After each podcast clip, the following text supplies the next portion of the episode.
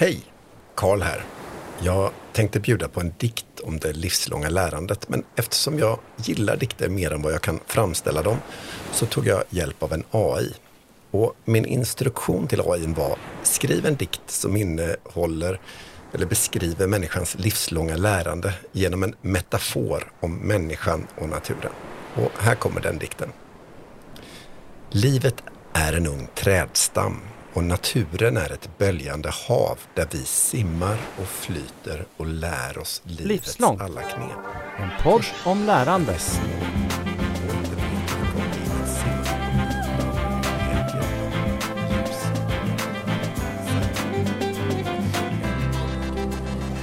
Eh, har du testat att leka med den här nya öppna tjänsten Lars? DAL-I eller vad den heter? Ja, lite grann faktiskt.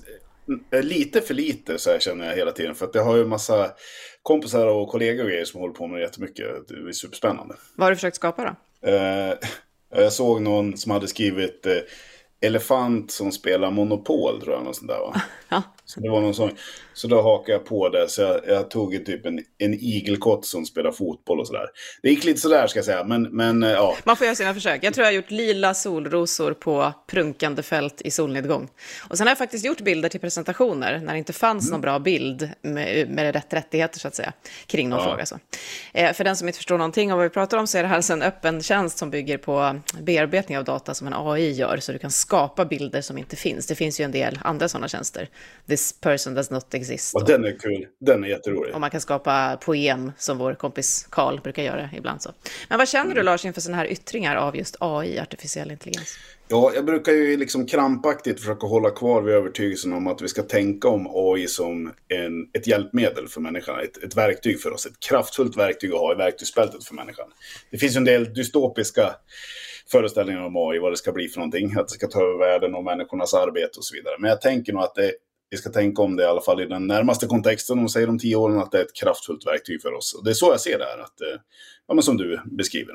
Att använda det för att ta fram bilder till en presentation. Vill man ha, vad sa du, lila maskrosor? Var det så? Solrosor faktiskt. Ja, solrosor. Ja, det var ganska fin. Jag kan skicka den bilden sen, den är fin. Ja, men vi ska få utmana det här då, vad, vad AI är och förstås kopplat till vårt ämne här i livslångt lärande. Det är AI på agendan. Eh, Du heter Lars Lingman, jag heter Katarina Pietschak och veckans gäst är du, Amy Lutfi. Välkommen till Livslångt. Tack så jättemycket. Välkommen. Du, du är professor i informationsteknologi vid Örebro universitet. Så du sitter i samma stad som jag. Och så leder du forskargruppen AASS Machine Perception and Interaction Lab och vice rektor för just AI och innovation. Vi kunde inte ha en bättre gäst på det här området. Men vem är du bakom alla de här fina titlarna? Hur, hur ser ditt, din vardag och ditt lärande, eftersom det är det vi pratar om här, ut? Ja, det, det var en bra fråga. Jag, min, min vardag är väldigt blandad. Jag hoppar eh, högt och lågt och det handlar allt om att sitta till exempel med forskargruppen och försöka klura på olika frågeställningar men också jobba väldigt strategiskt för att ja, bygga en, en bra AI-ekosystem. Precis som, som du beskrev, att, att kunna få tillgång till tjänster som gör någonting som är användbar, kanske utan att behöva veta exakt hur det fungerar och, och säkerställa att den kunskap som produceras på lärosätet kan hjälpa till för att skapa de här typen av innovationer. Så det, jag, jag tycker att det är meningsfullt att jag har en kombo-roll att vara ansvarig både för AI och innovation vid lärosätet. Mm. Vi ser ju också där, när man kopplar ihop sådana här olika områden så kan det hända riktigt spännande grejer. Men det är ju då kunskap och kopplat till eh, livslångt lärande för många. Va, vad betyder livslångt livslångt lärande-begreppet för en vice rektor på universitetet för dig? Ja, för, för oss, eh, eller för mig, det betyder allt från, som man brukar säga på engelska, womb to tomb, det vill säga från när man föds till när man, när man dör, så ska man, eh, ska man lära sig. Eh, och, och ibland tror jag att det kan finnas en viss begreppsförvirring, för många kanske tänker livslångt lärande handlar väldigt mycket om uh, att vidareutbilda sig eller att, att ha tillgång till kunskap när man är yrkesverksam. Och det, det tycker jag ingår också i livslångt lärande, men jag ser att livslångt lärande är, är mycket mer än så. Och sen jag också ser att livslångt lärande både handlar om de här explicit lärmoment, att läsa en kurs, men också de här implicit lärmoment, att när man sitter och tittar på Youtube och kanske lär sig någonting eller vid fikarasten och interagerar med någon annan. Det, det, jag, jag ser livslångt som ett väldigt, väldigt stort begrepp. Och vad tog dig då, skulle du säga, med hela den kartan till där du sitter nu, där du har hela den här, det här ansvaret och området? Ja, jag, det är några saker som, som har tagit mig hit. Um, dels tycker jag att den akademiska miljön och särskilt ett universitet är ett väldigt spännande plats att vara för att det är verkligen det stället, särskilt om man tänker på de här breda lärosätena, där all kunskap är tillgängligt. Och det är när de här olika kunskaperna möts, det blir väldigt, väldigt spännande.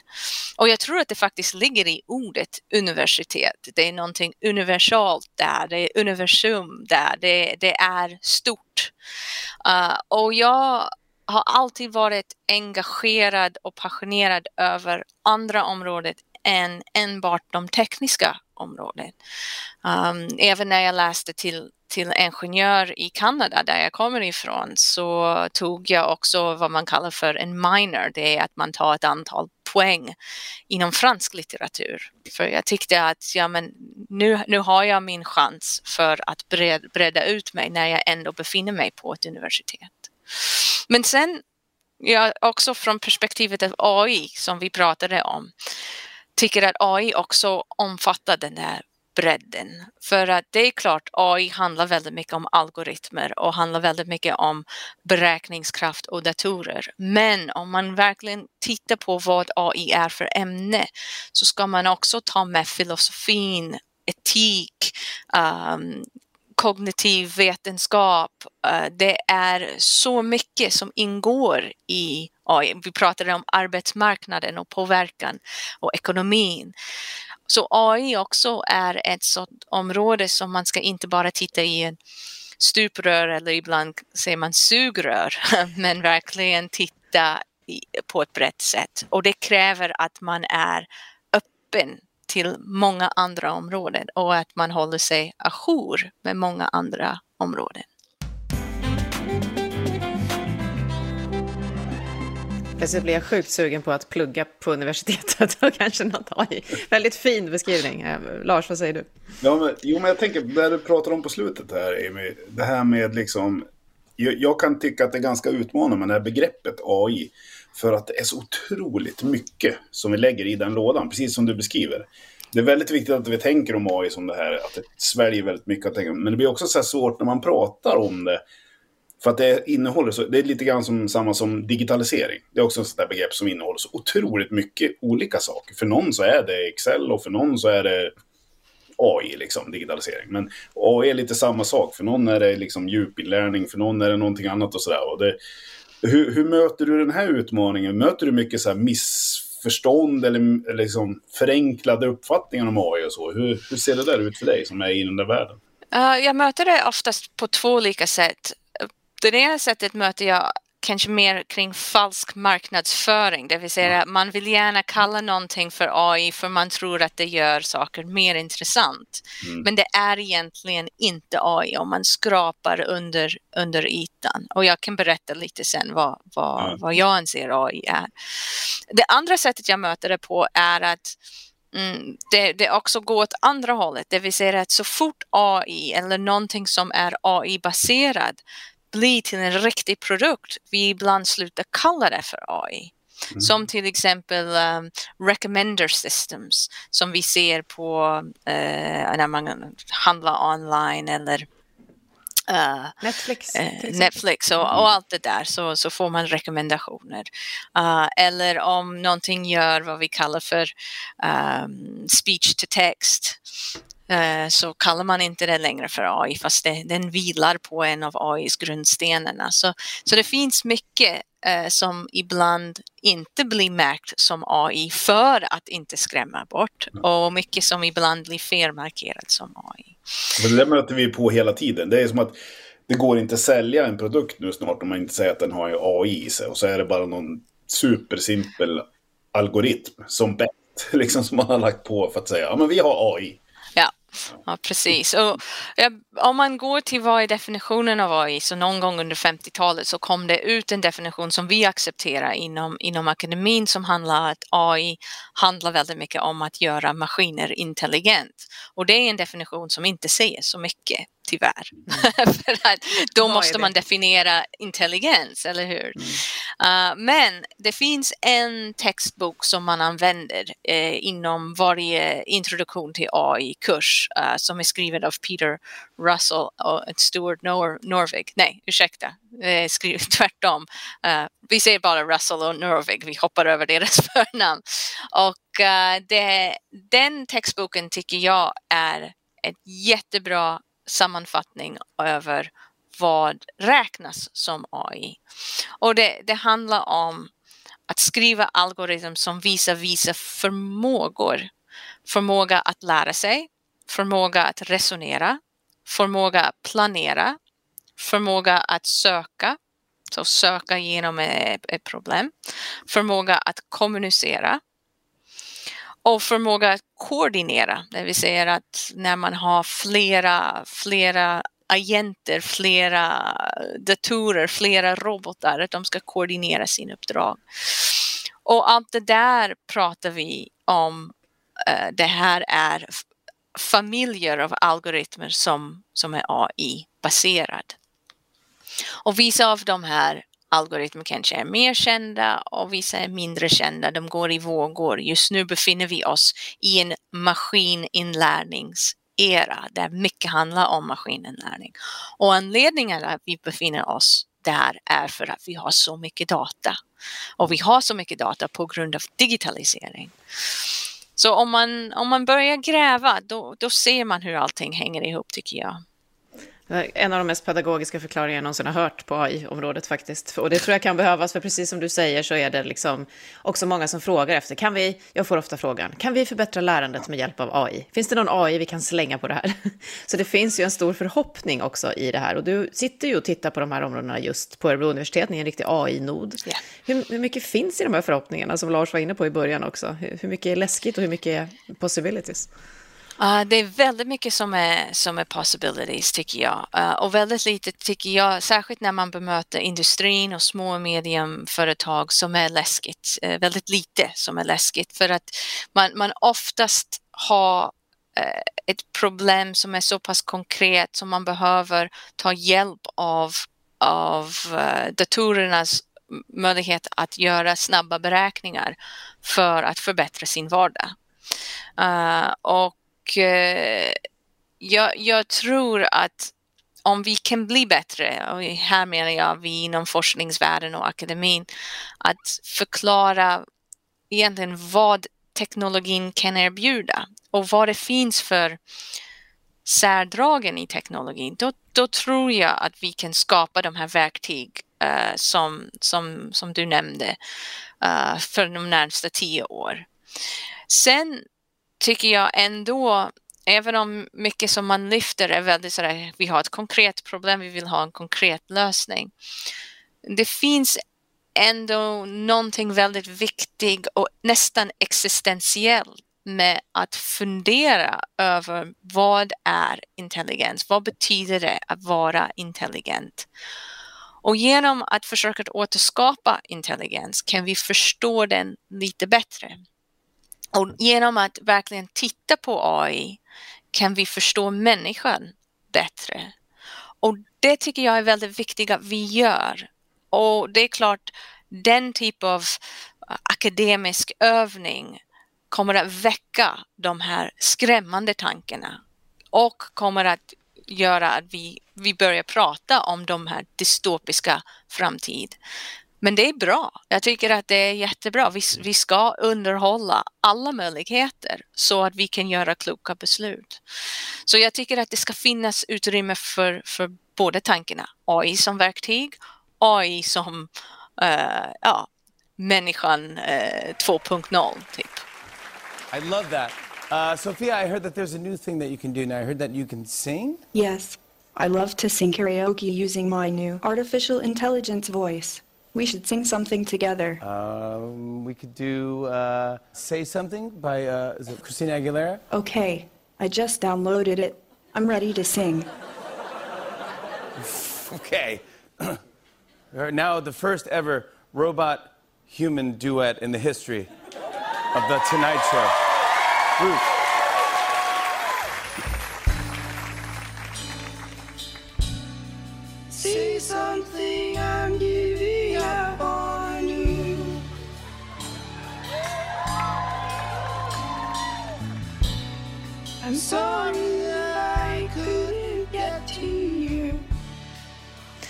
Hur tänker du att man kan föra in de här existentiella perspektiven? För jag blir väldigt intresserad av dem när jag hör dig prata. Också i de här diskussionerna när, ja, när människor som inte är lika insatta som du Ja. pratar om AI. Och det är precis det, det du säger. Hur kan man ha en nyanserad diskussion när man är inte riktigt insatt i själva ämnet? Och här kommer vi tillbaks till livslångt lärande. Uh, och vi behöver jobba med att få ut en basal kunskap kring AI och inte göra det för tekniskt och för onödigt tekniskt, men ge tillräckligt med insikter så att man har en AI-körkort. Man kan ta samma liknelse med en bil. Man kanske inte förstår allt om hur sin bil fungerar, men man kan köra bilen och man kan följa reglerna och normer och ha någon slags förhoppningsvis klokt beteende när man är i bilen.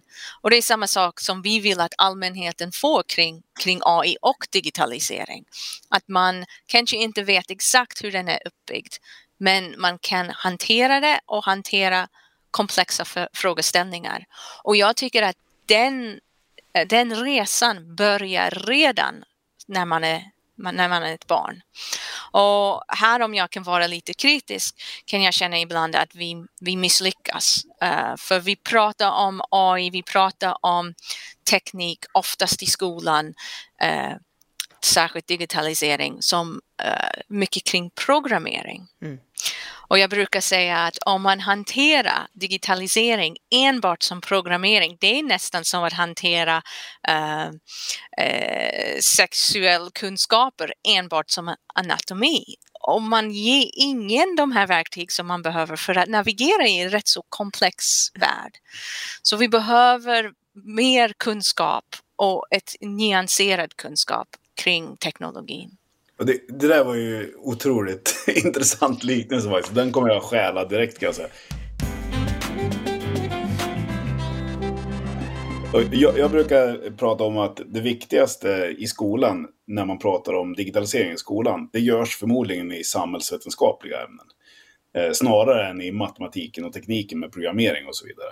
Men det är lite svårt att, att, att greppa eh, för många och samhällsvetenskapslärare kanske i synnerhet, vad, deras, att det finns en sån tydlig roll för dem, men det finns det där. Och mycket av det som alltid har lärts ut i skolan i de ämnena bär bra framåt i det här också, Ja. men det är givetvis så att man måste, skolan måste vara i takt med tiden och följa de trender och utvecklingar som är där. Och nu är AI en sån här grej som, för att bli välfungerande medborgare i framtiden så måste unga lära sig om Ja. vad det är för någonting.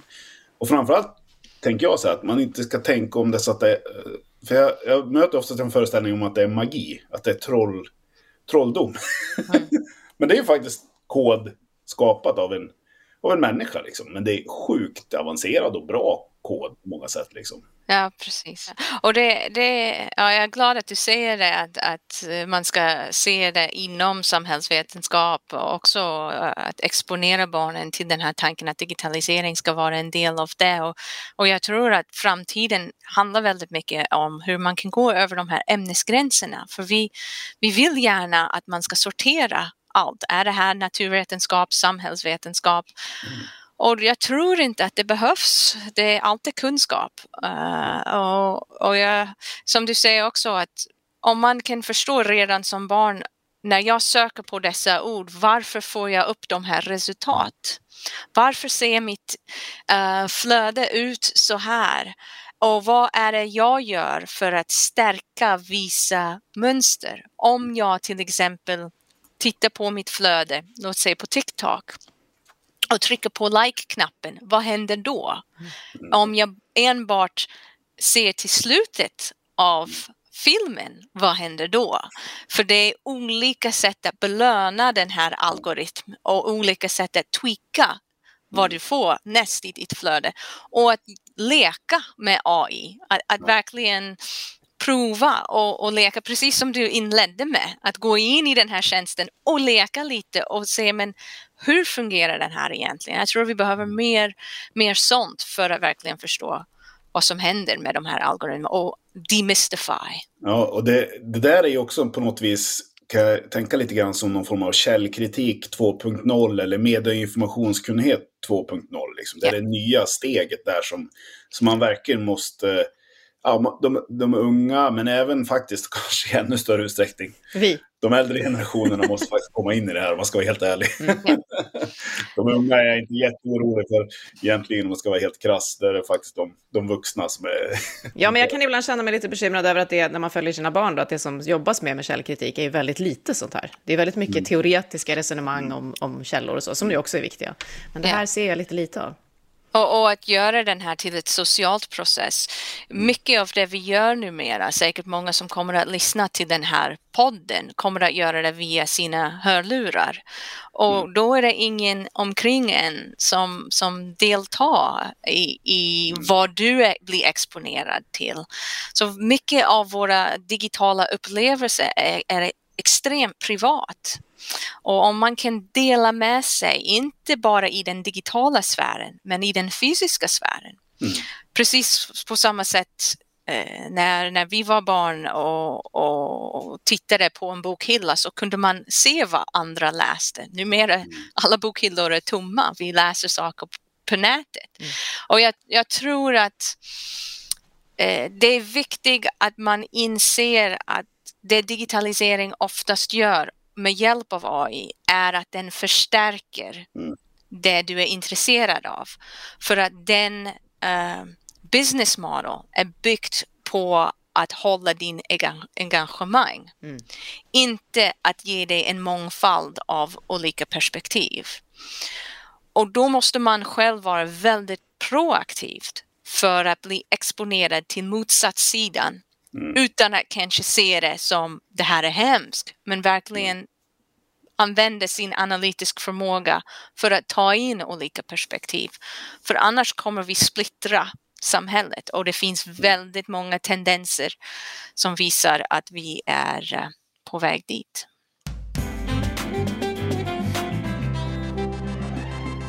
Ja, och det är någonting som jag ofta tänker på. Du säger, vad är intelligens hos en människa och kan vi, hjälp, kan vi få hjälp att förstå det med hjälp av AI? Alltid när vi hamnar i komplexitet så blir det ju väldigt jobbigt, det märker vi ju. Och då hamnar vi ju i stuprören och sugrören och försöker få en enkel förklaring att hålla oss i, för det känns bättre just då. Och sen pratar vi ändå om att alla vi tre här har ju suttit i regeringens strategiska samverkansprogram på något sätt, så pratar vi just om över gränser, över fält, över discipliner och att det krävs och så. Hur tror du att vi i de här tendenserna som du nämnde, där det ser annorlunda ut, kan fixa det? Hur kan vi liksom se till att den här komplexiteten blir uthärdlig och få fler ombord på den? Mm. Och det, det är kanske där människan har sin styrka, eller hur? Uh, för, för om det är något som, som binder oss ihop så är det mänskligheten. Och, och, det är viktigt att vi ser vad det är som, som gör oss till en community. Men, och det här kanske är ett, ett naiv tanke, men kanske AI kan till och med hjälpa oss. Genom, som jag sa, att, att bygga AI på ett sätt som fungerar för mänskligheten och inte enbart fungerar för planboken. Uh, och, och där, där, skulle jag säga, om jag är kritisk till digitalisering, det, det, är där jag tycker ibland internet har svikit oss. Vi har inte byggt bra, som jag sa, business models kring det. Så vi har använt det för att hålla engagemang, för att kunna sälja mer. Men jag tror om vi försöker att bygga ett, ett internet, uh, en AI och eh, uh, framtids digitala teknik för att åstadkomma någonting mer än så så kanske vi kan lyckas att överbrygga de, de här stora samhällsutmaningar som vi har. Många bär ju med sig en sån här bild av AI som kanske är ganska dystopisk från media, och så här Terminator och Matrix-filmer där AI tar över världen och styr människor och skördar och människor för elektricitet och sådana saker. Det är otroligt dystopiska. Det kan man ha med sig i begreppet AI liksom. Mm. Och så ser vi lite så här konstiga applikationer. Vi ser hur liksom diktaturer och Kina kanske i synnerhet sprider AI-teknologi för att övervaka medborgare och så vidare. Men vi ser också jättemycket bra och vi har väldigt bra verktyg i vår vardag, i våra telefoner som- hjälper oss sjukt mycket. Men liksom, vad, vad, vad känner du framöver här? Jag, jag, är- jag är rätt så orolig faktiskt. Ehm, och det som oroar mig är ehm, efter den här postpandemi-baksmällan som vi befinner oss i just nu kombinerad med en världsläge kombinerad med algoritm som förstärker en viss typ av, av världssyn. Att vi har, Mm. vi har stora grupper som har tappat hopp. Mm. Uh, och det oroar mig mer för att som, som sagt jag är ansvarig både för AI och innovation och jag tror om det är någonting också som, som någon som har invandrat in i Sverige som jag känner väldigt starkt för när det gäller Sverige är att Sverige är ett starkt innovationsland. Och innovationer för mig är lite synonymt med hopp. Man, man, det är någonting som gör i den här innovationsprocess att det, man känner en väldigt stor hopp. Ja, men nu ska vi skapa en innovation. Och oftast vill man skapa bra innovationer som bemöter problem. Och jag är orolig att om vi slutar känna hopp då, då tappar vi vår innovativ förmåga och då blir det på något sätt ett, ett spiral neråt. Um, och det är därför jag kanske ibland ser saker lite mer svart. Men jag försöker övertala mig själv att allt är inte hemskt. Det, är, det kommer bli bra. Vi behöver bara fortsätta kämpa.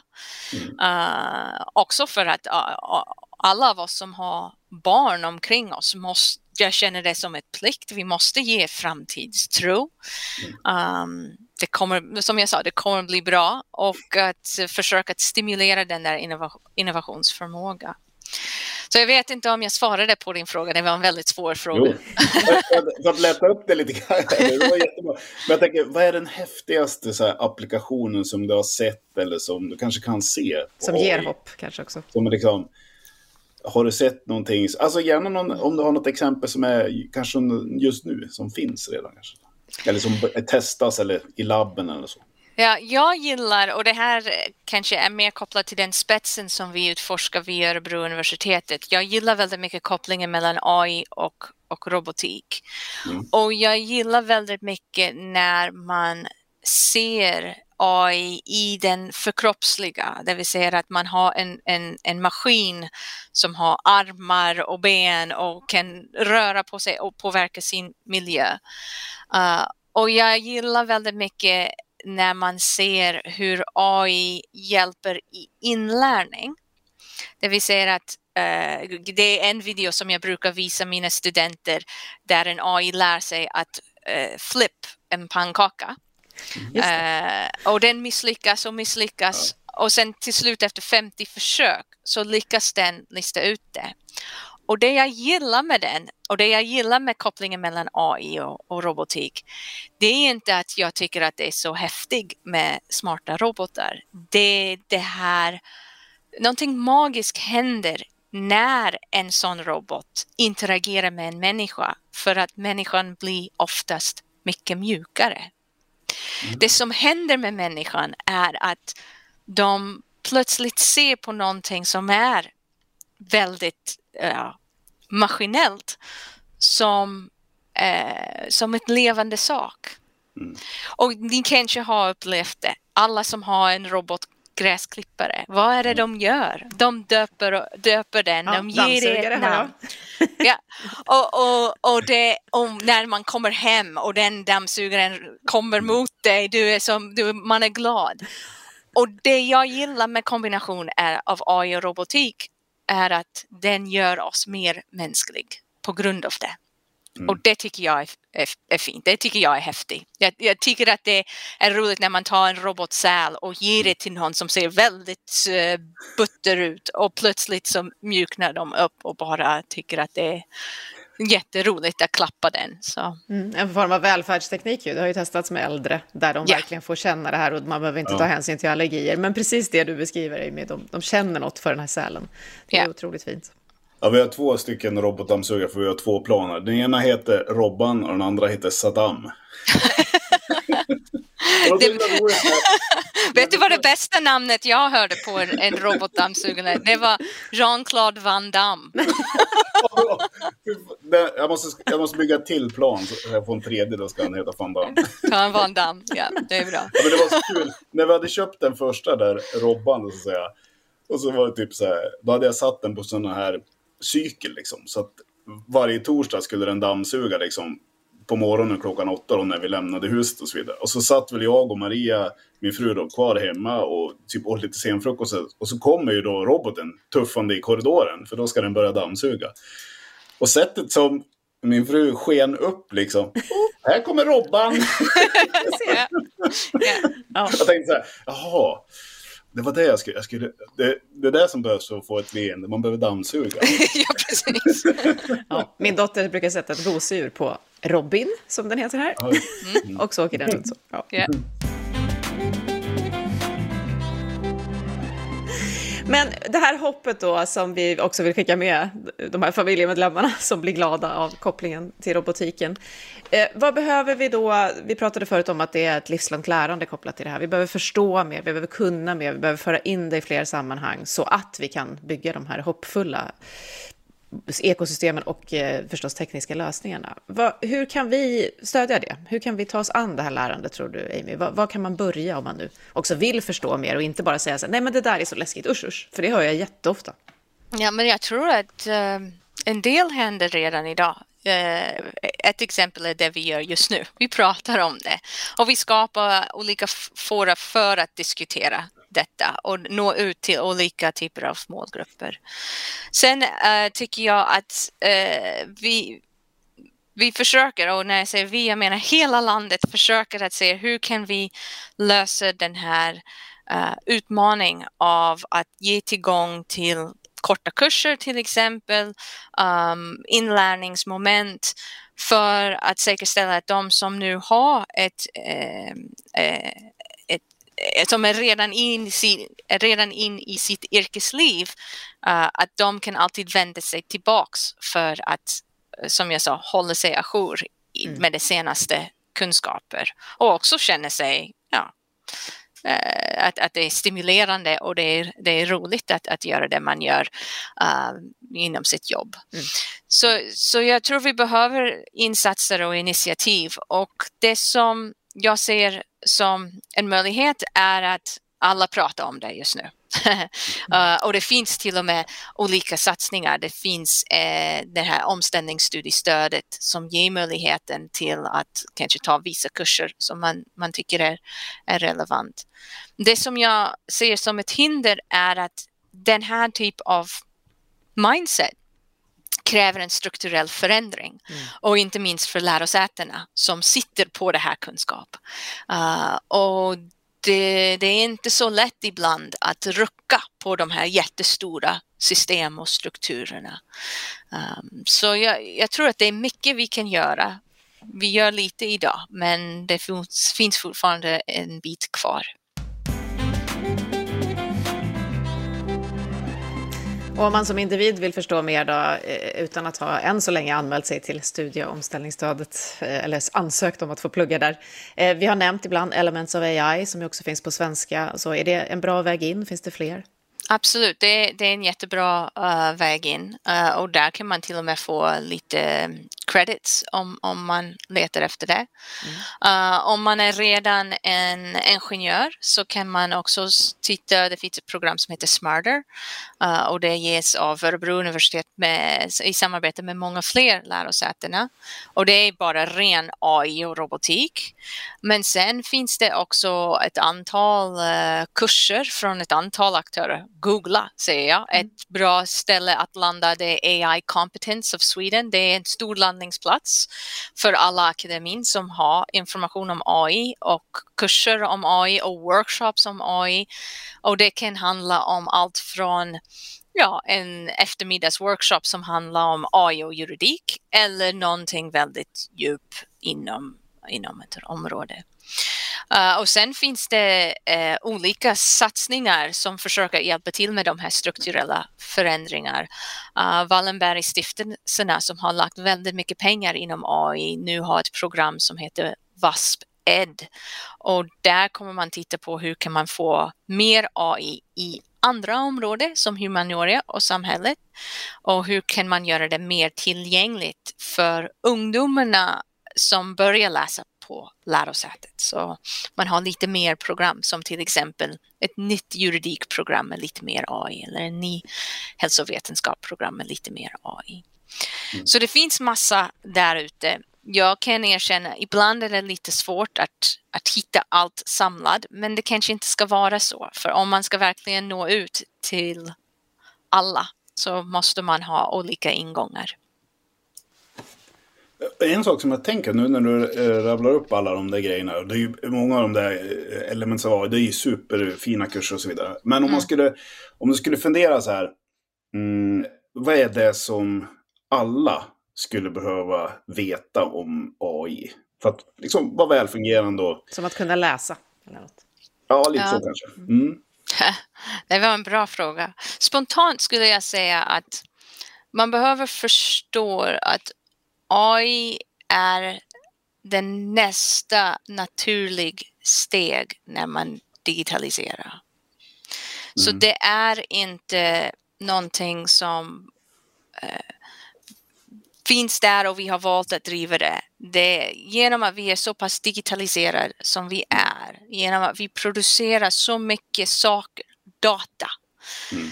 Uh, vi behöver uh, ta itu med, med AI det, det, är ett naturligt resultat av att vara ett digital, mm. digitaliserat samhälle. Och med det sagt, då behöver man kanske förstå vad, vad digitalisering är. Eh, så man börjar med AI genom att börja med digitalisering. Digitalisering har vissa egenskaper. Just att mm, digitalisering känner ingen geografiska eh, boundaries. Att digitalisering och någonting är, är bra digital, då är det maskinläsbar. Och då kan man instruera maskinerna på olika sätt. Så de här fundamentals of computer science, det är det man behöver förstå för att ha en bra ingång in i sin AI-resa. Vi har eh, pratat om då att AI kan, eh, livslångt lärande krävs för att ta sig an allt det här. Men hur kommer då också AI att påverka det livslånga lärandet? Kommer vi få hjälp, tror du?